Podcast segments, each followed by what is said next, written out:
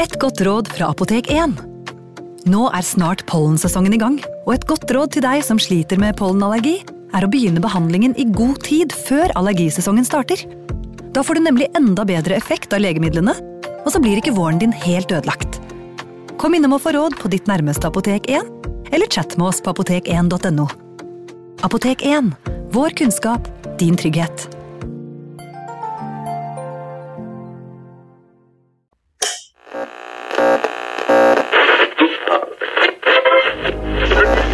Vi skal gjenta særmeldingen i dag. Nummer én Kjerringa er galen. Nummer to På ski over lyng og kvast. Nummer tre Baklengs inn i aftensangen. Baklengs inn i aftensangen.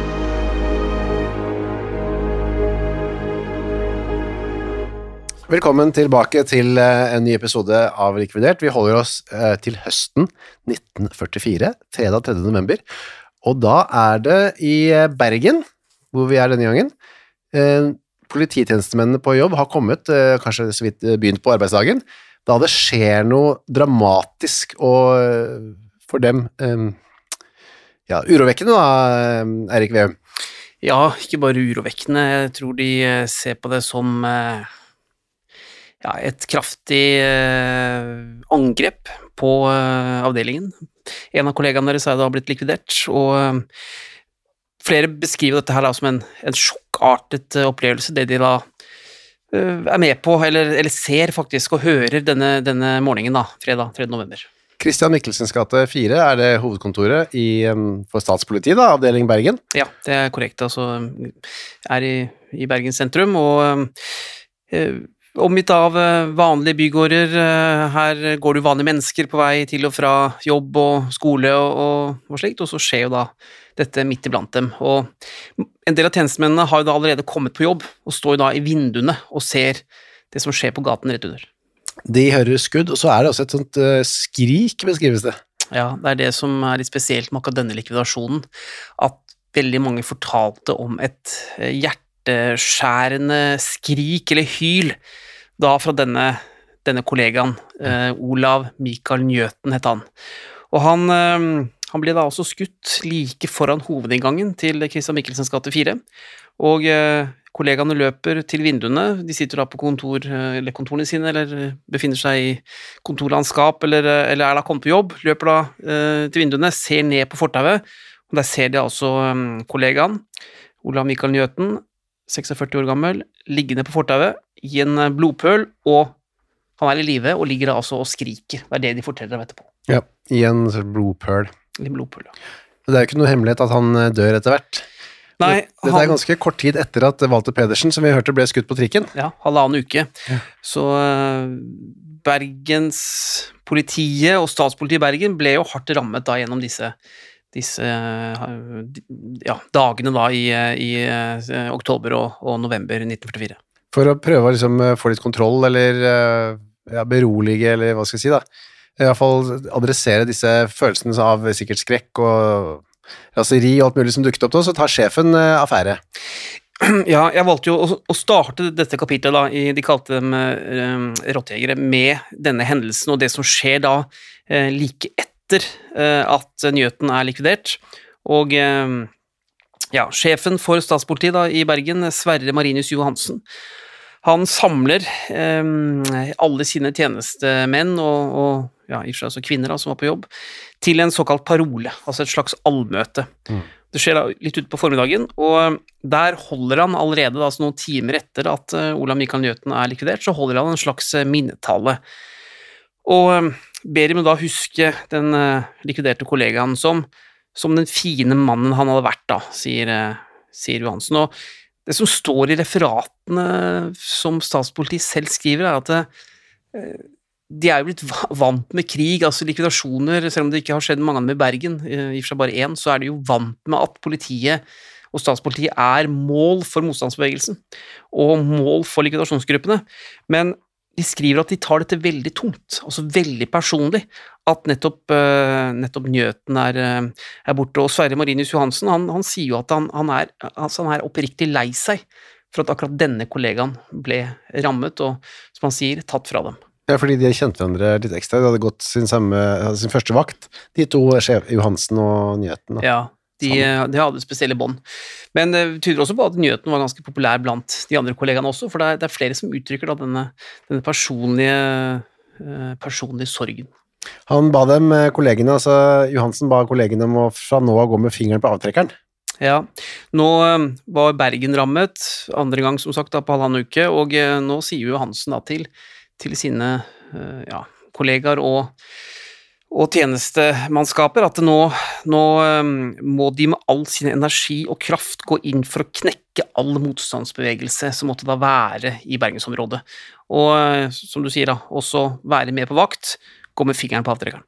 Så kommer det noen fra det tyske sikkerhetspolitiet, og de har eh, også en viss eh, Nå er de sinte alle sammen der. Mm. For eh, hvordan Michael Njøten han eh, jobbet jo også tett da med tyske kolleger i Gestapo og eh, i sikkerhetspolitiet eh, for øvrig, altså det tyske. Og mange av, eh, av, av dem eh, er både kollegaer, men også venner. Og de møter da opp i eh, Christian Michelsens gate 4 og, eh, og gir uttrykk for at de er veldig sinte. Og det som skjer da inne på, på politihuset den dagen, er at de greier faktisk å hisse opp stemningen blant nordmennene i statspolitiet, altså de tyske.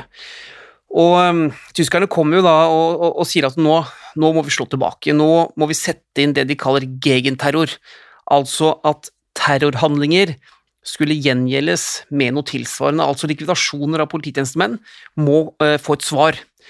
Og eh, dette er tyskerne i og for seg vant med. Eh, det er en, en praksis de har, har hatt også i Norge, og, og, og en tankegang de har. Altså, er noen tøffe mot oss, så skal vi svare tilbake minst like røft. Mm. Og da er det konkrete bergensere de lanserer at de skal arrestere og likvidere, altså henrette da. Ja, altså det de sier da først er jo at dette er nødvendig. Dette har Adolf Hitler gitt klar beskjed om, at eh, det er den eneste måten å stanse attentat, sabotasje, likvidasjoner og slikt, det er å, å slå hardt tilbake. Og det de, det de kom med etter hvert, det er jo da et, et forslag om at sju kjente bergensere de skal arresteres, og så skal de henrettes. Og dette, som tyskerne, eller de tyske tjenestemennene sa, dette er jo menn som statspolitiet allerede nå hadde mistanke om var involvert i, eh, i motstandsarbeid, og, og står da på en liste da over, eh, over såkalt jøssinger. Og det tyskerne er veldig klare på, at dette, dette vil ha en skremmende effekt. Dette vil få en konsekvens, og motstandsbevegelsen vil bli svekket, og det, det vil skape frykt. Slik at uh, stemningen vil nok roe seg, og statspolitiet vil, vil unngå flere, flere mm, eh, likvidasjoner. Og så skal det i og for seg ikke stoppe der, for det som eh, de tyske tjenestemennene er veldig tydelige på, og som de da oppfordrer statspolitiet til å gjøre, altså det er ikke bare å å arrestere og, og henrette bergensere. Det de sier at man også bør gjøre, er å henge opp likene. Altså etter at de er henrettet, henge de opp på Torgallmenningen. Ja. Og på den måten så vil jo bergensere flest, da, som øh, er i byen, eller, eller som eventuelt er innom, eller, eller, eller Og selvfølgelig vil dette ryktet spre seg, øh, ved at man da ser døde motstandsfolk henge rundt omkring på Torgallmenningen. Og det er det som tyskerne foreslår, og der burde disse likene henge en god stund til skrekk og advarsel. Det er planen, og det er forslaget som kommer fra det tyske sikkerhetspolitiet til statspolitiet. Og noen av norske politimennene var enig i dette Ja. burde dere? Det er de enig i. De, de mener at nå er nok er nok. Nå har vi mista to av våre. Nå er det på tide å slå tilbake. Men det ble ikke sånn da. Nei, ehm, det blir en diskusjon. Det, det, det må sies. Og ehm, eh, flertallet av de norske tjenestemennene i statspolitiet de sier at eh, dette, dette blir drøyt. Dette kan vi ikke gjøre. Fordi en ting er at vi i og for seg skremmer motstandsbevegelsen og eventuelle motstandsgrupper i Salborg og hva det måtte være, men, men de eventuelt som støtter oss her i Bergen, Mm. de vil også eh, vende oss ryggen, fordi dette blir dette blir for bestialsk. Dette er ikke nordmenn vant til. Og det viktigste er nok også at avdelingssjefen, som vi snakket om i stad, Sverre Barinius Johansen, han er også sterkt imot. Ja. Og som han sier, det er helt uaktuelt for meg å sette i verk noe slikt, sier han. Og, var også veldig tydelig på at dette, dette går vi ikke med på, dette kan ikke jeg stå bak, jeg kan ikke være med på å gjennomføre det, og han avviser jo da eh, forslaget som kommer da fra, fra det tyske sikkerhetspolitiet, og, og, det blir da også ikke gjennomført. Men det var litt nære på, da. Ja, og det som er litt interessant å, å se i dag, er at det er faktisk norske tjenestemenn som støttet forslaget, ja. og mente at man kunne henrette landsmenn og henge de opp til skrekkadvarsel på, på Torgallmenningen, mm. midt i Bergen sentrum. Ok, tilbake til denne Olav Mikael Njøten, da, for han hadde da vært på vei til jobb, som du sagte. Hvordan startet dagen hans? Ja, altså han øh, var jo da på vei til kontoret, slik han pleide. Um, vi er klar over at Statspolitiets hovedkvarter det ligger jo da i samme bygningen som uh, i og for seg Bergen Arbeiderblad tidligere hadde hatt uh, sine redaksjonslokaler, men nå var det altså um, Nasjonal Samling da, som, som, var da i Christian Michelsens gate 4. Og han gikk jo da som vanlig til jobb ved åttetiden da denne, denne fredagsmorgenen. Han hadde da fulgt fortauet i Valkendorfs gate og gått da mot, mot hovedkvarteret og, og, hovedinngangen. Men det Newton ikke hadde lagt merke til, da, det var jo at han hadde blitt, blitt skygget, eller altså noen hadde fulgt etter ham, mm. helt uh, fra han gikk ut av leiligheten sin i Kong Oscars gate 43. Det lå ikke så langt unna, det var uh, kun en spasertur som tok noen få minutter. Men uh, de hadde altså da fulgt etter ham og, og, og, kom helt opp på siden av ham like før han skulle gå inn i, i hovedkvarteret. Og hvem var han sånn fysisk? Det vi vet om ham, da er at han var ja, det står i papirene 1,72 uh, høy. Han var kraftig, altså beskrives som tettbygget. Hadde mørk, kraftig hårvekst. En, ja, var nøye med hvordan han så ut. Alltid glattbarbert og, og vannkjemmet hår, og, og, det hendte han Han hadde en liten sånn mustasje, men, men det er i og for seg usikkert om han hadde det denne dagen. Og det vi vet da fra denne morgenen, er at da han kommer opp ved hovedinngangen til statspolitiets eh, kontorer, så kommer det altså en person syklende eh, opp ved siden av ham. Syklende, ja. Og eh, hvis vi husker fra attentatet mot Eller likvidasjonen av Walter Pedersen, så var jo da en som het Rolf Andersen med på det.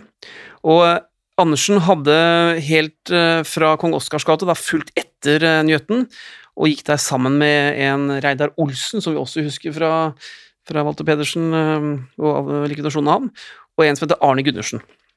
Dette var også da det samme likvidasjonslaget da, som, som slo til mot Pedersen ti dager eh, tidligere. Det er et lite øyeblikk nå, Erik, for du sa jo, husker jeg, når vi hadde om Walter Pedersen, at uh, Rolf Andersen ikke var med på selve likvidasjonen, men han var en del av gruppa, er det det du mener? Ja, altså han var en del av likvidasjonslaget. Ja. Så det vi har ment å kunne dokumentere, det er at uh, Rolf Andersen ikke var om bord på trikken, hvis vi husker den historien, ja.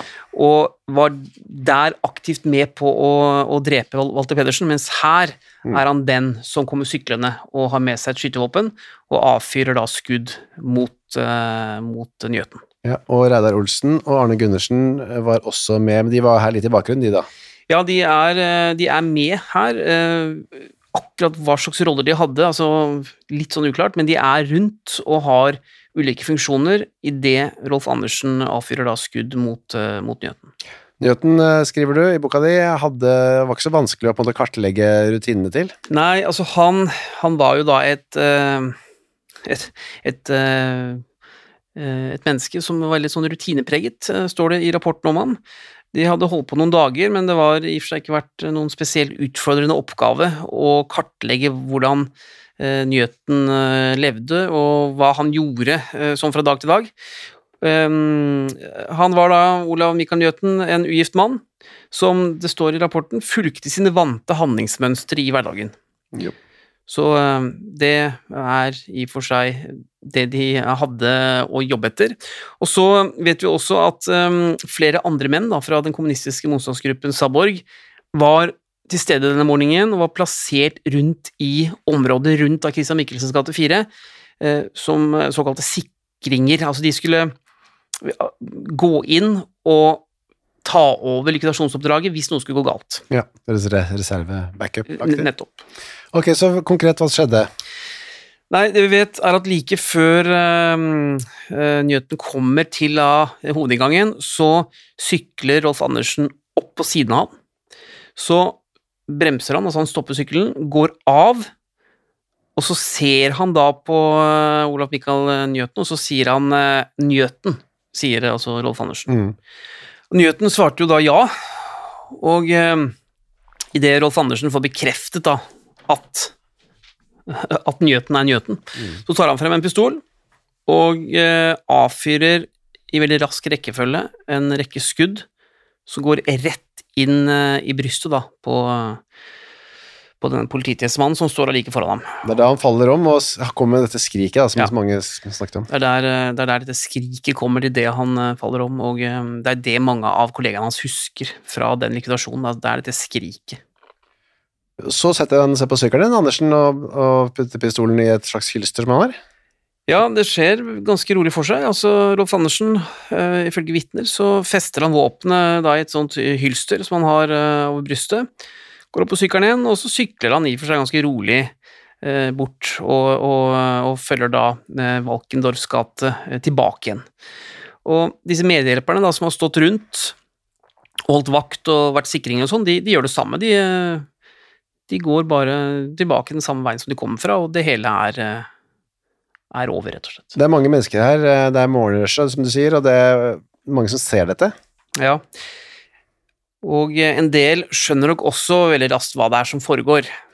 Nå har jo altså, Walter Pedersen og det som skjedde der, har jo selvfølgelig blitt kjent i byen, og man er jo klar over at likvidasjoner er en metode som motstandsbevegelsen bruker, og idet dette skjer like ved politihuset, den drepte er trolig, eller den som er da skadet her og skriker, er trolig en polititjenestemann, så de, de fleste forstår nok uh, hva dette er, og det som da skjer, er at en del også snur og går raskt bort fra, fra området, nettopp for å unngå å bli blanda opp i noe, eller, eller måtte forklare seg eh, som vitner for, eh, for politiet. Så Det var jo det hjemmefronten ba folk Ja. om å gjøre. det, og, og, og den, den appellen har nok, har nok nådd ut også i Bergen, at man her forstår at eh, her er det bare å rygge unna, og ikke ha sett noe, ikke ha hørt noe, ikke si noe.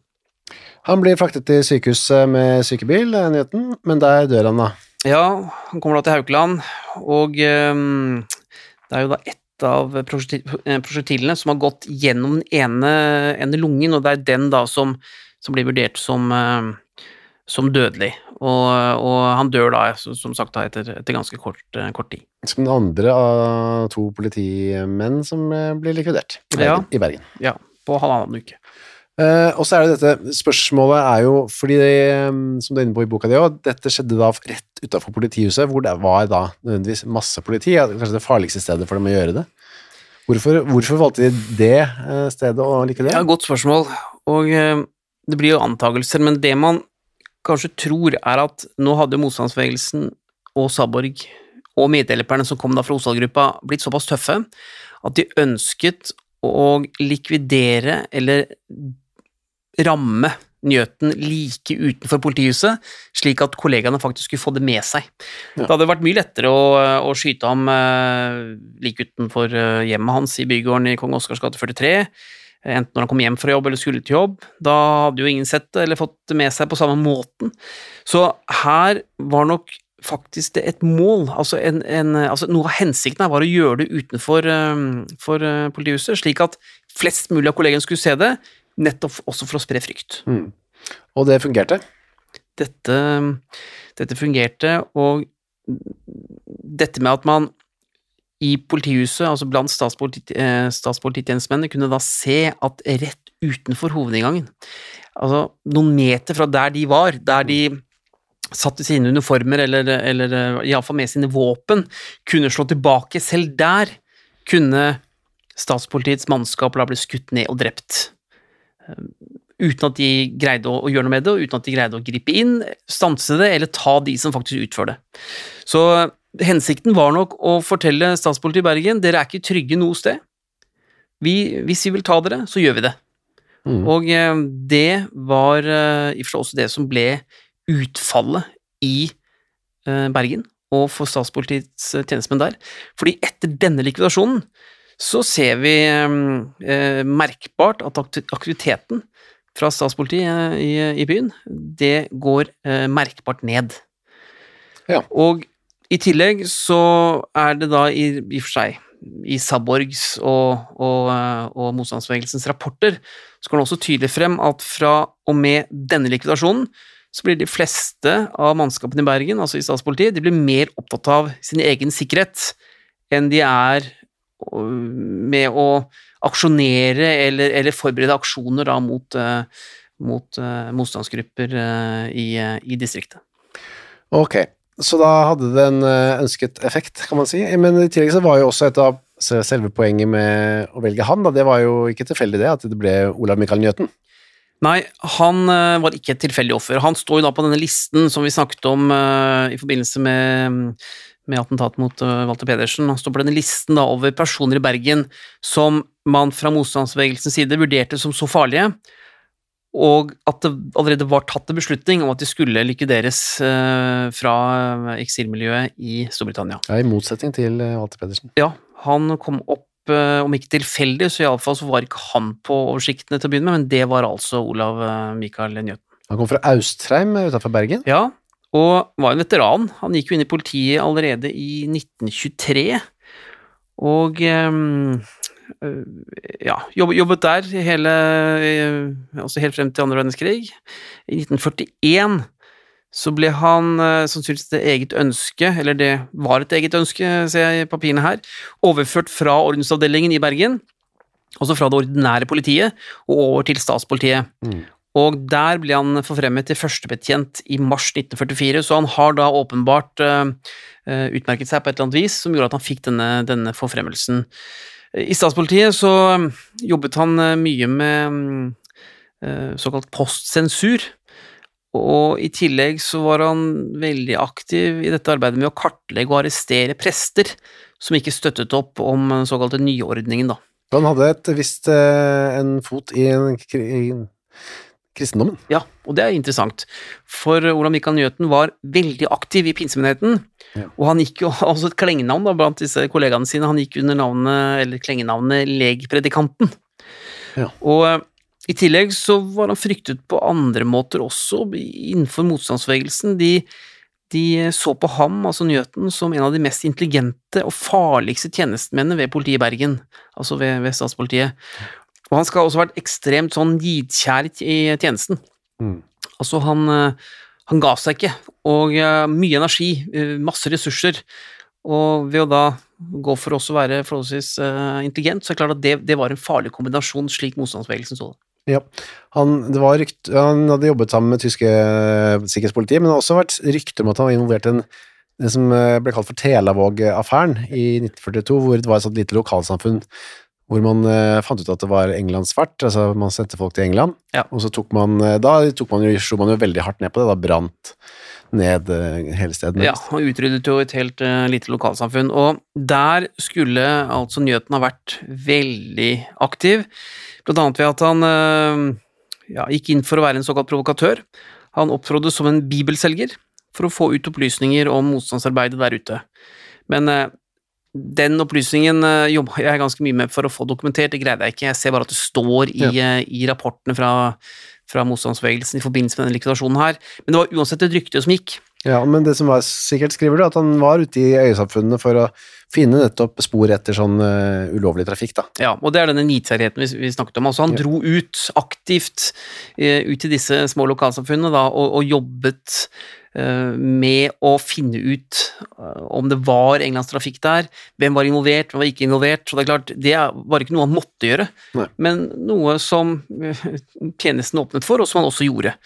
Så um, han var veldig aktiv, og ble da um, ja, omtalt i Milorg-rapportene som en person som var ualminnelig sterkt hatet, og ja, det gikk også så langt som at innenfor statspolitiet så var han jo mislikt fordi han var så aktiv og så ekstremt opptatt av da å knekke motstandsarbeid. det var jo ikke alle som hatet han, det fikk vi jo høre i begynnelsen her, da, men det var kanskje litt på blandede synspunkter? Ja, og, og jeg antar at det, de rapportene som da trekker frem kilder i politiet, peker på det ordinære politiet. Ja, riktig. Mens innenfor statspolitiet så var nok dette noe man satte pris på, men innenfor det ordinære politiet så var jo denne her ekstremt aktive Dette, dette voldsomme fokuset på å knekke eh, motstandsgruppene, noe som gjorde han lite populær der. Riktig. De jobbet jo tett sammen her, politiet og statspolitiet, på et såpass lite tjenestested da, som, som Bergen i praksis var. 11. november 1944 blir han eh, gravlagt, men i ganske ro og fred, holdt jeg på å si. Stille. Ja, det virker som om familien hans da ønsket lite oppmerksomhet om, eh, om hans bortgang. Det ser ut til at søsknene hans satte inn en dødsannonse, og det ble først gjort eh, altså i avisen, og det ble først gjort etter at gravferden hadde funnet sted. Og det sto ingen navn i den dødsannonsen, jeg har jo funnet den, men den var jo kun undertegnet da med, med eh, søsken. Og eh, det var heller ikke skrevet noe om hvor han var blitt gravlagt. Eh, sannsynligvis så ble han lagt i en familiegrav på Austrheim, men det er ganske lite opplysninger om, eh, om eh, Eller fra familien, da, om den gravferden. Det kan jo både være skam, eller at dere være redd for at det skulle være noe farlig for dem, eller det kan flere grunner til at de ikke ville. Ja, det er litt vanskelig å si, men det var nå engang slik det ble gjort. Så eh, ble det jo desto mer eh, annonsert rundt denne likvidasjonen i motstandsmiljøet. Ja, i de illegale avisene så ble denne her likvidasjonen viet ganske mye plass, og oppmerksomhet. Og jeg har jo funnet flere artikler, det var jo ja, ulike typer overskrifter. I en avis så sto det jo at um, uh, ja, artikkelen hadde overskriften 'Likvidert politipakk'. En annen var jo at um, nazi-politifolk har det ikke greit for tiden, som overskrift. Mm. Og um, i tillegg så valgte man jo i, um, i radiosendingene fra London å omtale denne, denne likvidasjonen eh, spesielt. Og der heter jo at fra Bergen blir det meldt at angiveren, førstebetjent Olav Njøten, er blitt drept 3. november da han var på vei til sitt arbeid. Han ble 46 år gammel og var fra Nord-Hordaland. Han har vært ansatt i politiet i mange år. Han var en av de sjofleste og farligste angivere på Vestlandet, en av Gestapos viktigste spioner, og hans offer telles i hundrevis. Ute i bygdene opptrådde han som legpredikant. Med Guds ord, bønn og salmesang skaffet han seg innpass hos folk. Var særlig i Øygarden han opererte, og der er hans navn knyttet til den uhyggelige Telavåg-tragedie, men også i Hardanger satte han stygge spor etter seg. Dette var jo da eh, radiomeldingen da, som ble, ble sendt eh, fra London. Men eh, vanligvis så skriver du, så ble det ikke dette her imøtegått av liksom tyskvennlige prester, men det her gjorde man et unntak. Ja, i Aftenposten den 9. desember 1944 så kom det faktisk et, et slags svar da, til disse opplysningene, som kom da eh, fra London om, eh, om, Mm. om Njøten. Og eh, dette ble da okkupasjonsmyndighetenes og statspolitiets reaksjon på, eh, som de kalte det, da, den eh, kongelige radios forsvar av mordet. Ja.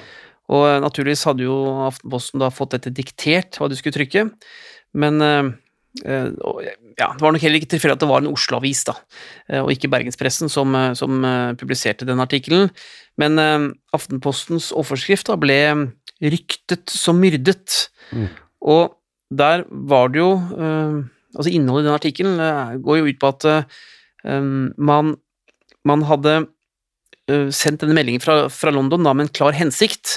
Så står det jo da i, i artikkelen at em, man håper da at anstifterne at, at saken, altså fra ansti- anstifternes side, da, at saken nå er i orden, at samvittigheten er beroliget og veien klar for neste politimord etter kongelig ordre. Ja. Så står det en del annet i artikkelen også, men, eh, men eh, man da tilbakeviser da disse påstandene som man hevder der, da, om at Nyheten var en hensynsløs og, og farlig angiver, og, og mente at det var da helt, eh, helt fallaktig. Og i denne artikkelen i Aftenposten står det jo også mye pent om Nyheten. Han var en arbeidsom og pliktoppfyllende politimann som kun da utførte sine pålagte plikter som, som politi. Og det hadde han da gjort helt siden han gikk inn der i tjeneste i, 19, eh, i 1923. Og så var det også veldig mye fokus på dette religiøse engasjementet da til, eh, til Olav Mikael Njøten i pinsemenigheten, og, og hvordan da han hadde ja, som trofast medlem støttet det der religiøse arbeidet. Han hadde vært kasserer i pinsekirken, og, og som det står i artikkelen, på alle hold nøt han udelt aktelse og var en kjent og skattet personlighet innen religiøse kretser i Bergen. Han var jo ugift da, han Jøten, Mm. og det kunne kjent at han hadde, øh, hadde noen forlovet eller noe sånt heller, men, øh, men det holdt man i og for seg ikke tilbake. Det sto tydelig det at han, at han ikke at, at han var, var, alene. Men eh, det ble da samtidig trukket frem andre aspekter av dette privatlivet hans som eh, viste at han var en sånn familiekjær mann, hvor det sto at han tok seg av sin gamle syke mor som bodde hos ham i mange år, til sin død, og likeledes har han skapt en heim for sine søstrer.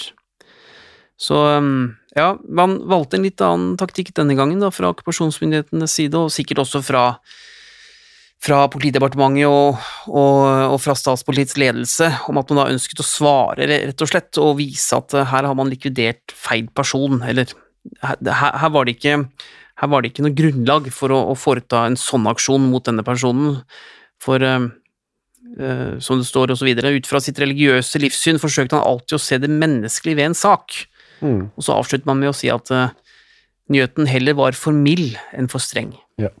Vi går litt til slutten av den artikkelen, Erik, for der skriver det igjen, da. Etter ordre fra London ble Njøten på grunnlag av ryktene snikmidlet 3. november i år. Ryktene drepte ham, ryktene som var satt ut av den bergenske gudelighet, ja. for å ramme en mann i hans lovlige arbeid, i samfunnets tjeneste. Mm. Hva mente du med det, egentlig, den bergenske gudelighet? Nei, det er jo det her at man, eh, man, eh, man hadde ikke grunnlag for å foreta en likvidasjon. Han han eh, hadde ikke gjort dette som, eh, som man mente han, eh, han, hadde gjort, og som skulle forklare en, en, en likvidasjon. At det var, var, var, var, kun rykter som gjorde det at han, han da ble utsatt for dette, og, og han egentlig var da en, en polititjenestemann som kun utførte ja, utførte vanlig politiarbeid. Ja. Selv, om du, selv om disse norske da, politimennene ble skremt fra å jobbe så mye mer, så lot de ikke tyskerne stå seg stoppe? Nei, det som skjer her, er at, som du sier, statspolitiet rygger litt tilbake. Det tyske sikkerhetspolitiet de tar et steg frem. Mm. Og eh, de etterforsker både uh, likvidasjonen av Olav Michael Njøten, men også da av Walter Pedersen, som to uh, likvidasjoner som uh, står i sammenheng med hverandre, naturlig nok. Men man antar jo da også at det er de samme, de samme motstandsfolkene som sto bak, noe de også hadde, hadde rett i. Og 25. november 1944 så slår Gestapo til på flere adresser eh, i Bergen, og de arresterer flere personer. En av dem er jo Reidar Olsen, vi har hørt en del om. Eh, mm. 28 år gammel, smed. Han hadde vært med eh, på begge disse lekstrasjonene, som vi også har snakket om. Han holdt da til i en, en dekkleilighet ved en skobutikk i Strandgaten, og ble jo tatt da inne i en kolonialforretning i nærheten og Der er det jo da tjenestemenn fra det tyske sikkerhetspolitiet, men de har jo også med seg nordmenn ja. som, som, hjelper til, som er da ansatt i uh, Gestapo, med norske borgere. Det er da en norsk tolk. Han heter Alfred Josef Gertner. Han er 21 år, uh, bergenser, tidligere frontkjemper fra 2. SS politikompani, og Uh, ja, han hadde i og for seg jobbet som tolk og etterforsker for det tyske sikkerhetspolitiet i ja, noen måneder. Og uh, vi har også en annen uh, nordmann som blir involvert der, en som heter Nils Peter Bernhard Hjelmberg. han er også med på, på avhørene. Han er riktignok dansk statsborger, men var jo da opprinnelig bergenser. Og var også derfor han kom tilbake til Norge da, for å gå i, i, i tjeneste for, for, det tyske sikkerhetspolitiet der. De tar med seg de tar med seg Reidar Olsen eh, inn til avhør. Inn til eh, det tyske sikkerhetspolitiets eh, hovedkvarter i Bergen, som lå i, i Veiten 3. Og der ja, Da torturerer han, rett og slett? Ja, han blir torturert. Banket, pisket. Det beskrives som usedvanlig brutalt, det som foregår. Og De tar igjen nå, da, for disse Nå skal de ta igjen, mm. og at det ble tortur i Veiten 3 av eh, norske og tyske tjenestemenn, det var ikke uvanlig. Men uh, her virker det som om det kommer litt ut, av kontroll. Og uh, ja, etter hvert så blir jo også da uh, Reidar Olsen hengt opp på en vegg etter håndjern. det skjer da etter at han er blitt såpass kraftig banket og torturert at han så vidt er i live. Og så dør han da noen timer senere Eh, av den mishandlingen, rett og slett. Og eh, det er jo da eh, disse, disse tjenestemennene fra sikkerhetspolitiet som selv kommer inn da og finner ut at han ikke har noen, noen puls, altså han er rett og slett død.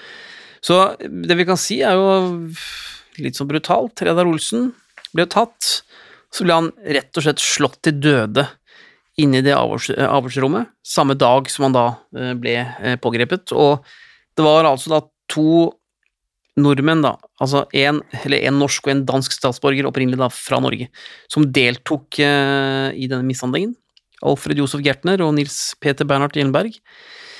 De ble begge to eh, stilt for retten under landsviksoppgjøret og dømt for denne mishandlingen. Dømt til døden.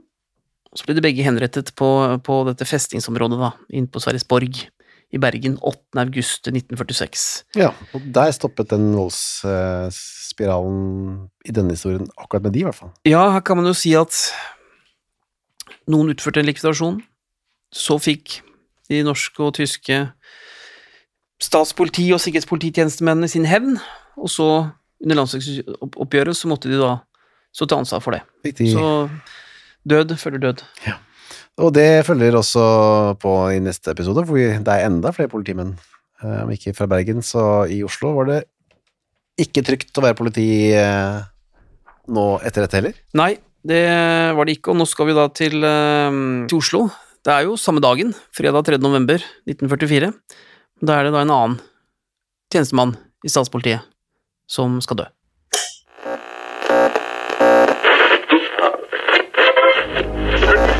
Vi skal gjenta særmeldingen i dag. Nummer én Kjerringa er galen. Nummer to På ski over lyng og kvast. Nummer tre Baklengs inn i aftensangen. Baklengs inn i aftensangen.